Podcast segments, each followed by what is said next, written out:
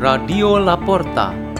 The door is open for you for the growing of knowledge and wisdom of God. Delivered by Father Peter Tukan, SDB, from Salesian Don Bosco, Gerak, in Labuan Bajo, Diocese of Ruteng, Indonesia.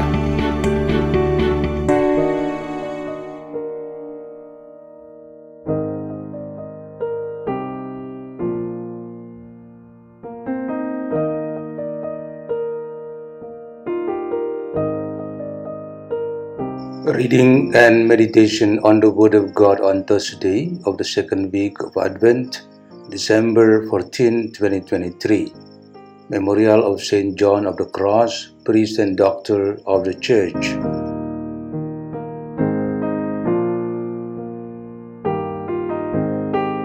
A reading is taken from the Holy Gospel according to Matthew chapter 11, verses 11 to 15. Jesus said to the crowds, Amen, I say to you, among those born of women there has been none greater than John the Baptist. Yet the least in the kingdom of heaven is greater than he. From the days of the John the Baptist until now, the kingdom of heaven suffers violence, and the violent are taking it by force. All the prophets and the law prophesied up to the time of John, and if you are willing to accept it, he is Elijah the one who is to come. Whoever has ears ought to hear. The Gospel of the Lord.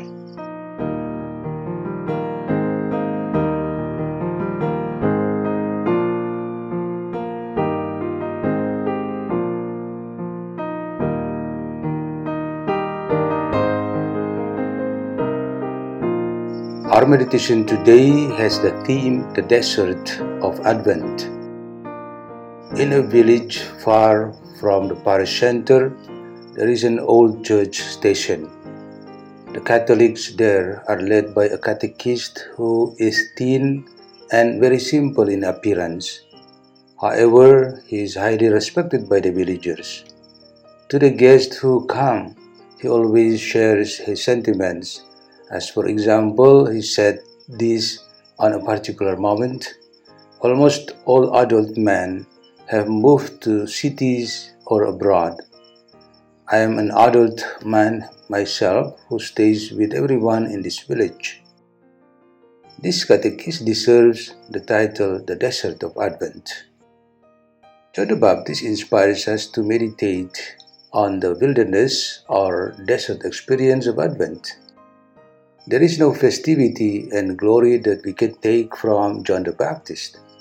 We become deserts like him because we experience various sufferings and difficulties, most especially in this period of global climate change that worries all of us.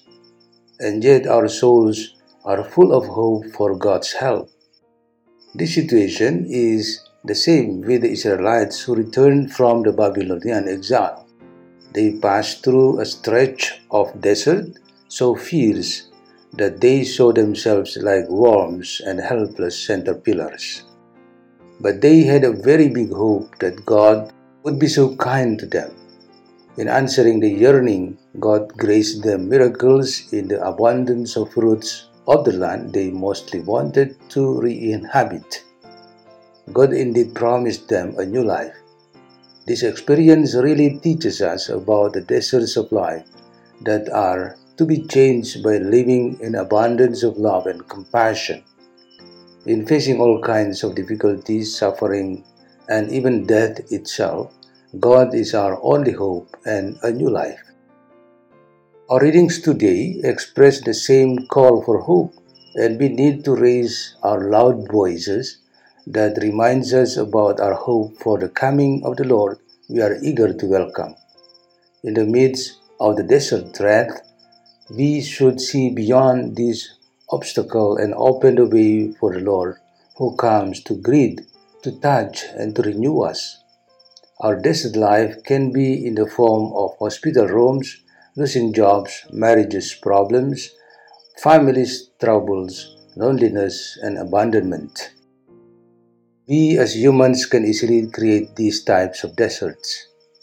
Every form of desert shows a painful picture about our real lives because it is obviously about droughtiness, uselessness, and fruitlessness.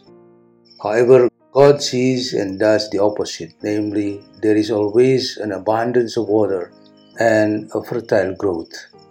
Humans see this as the threat of death so evident, but God sees endurance and new life. God sent his prophet John the Baptist to help people embracing the new life through the preaching and motivation to fight sin and acquire repentance. Deserts gives us the opportunities to seriously deal with and even to die for our sins. Yes, we do have duty to overcome our deserts. Let us pray.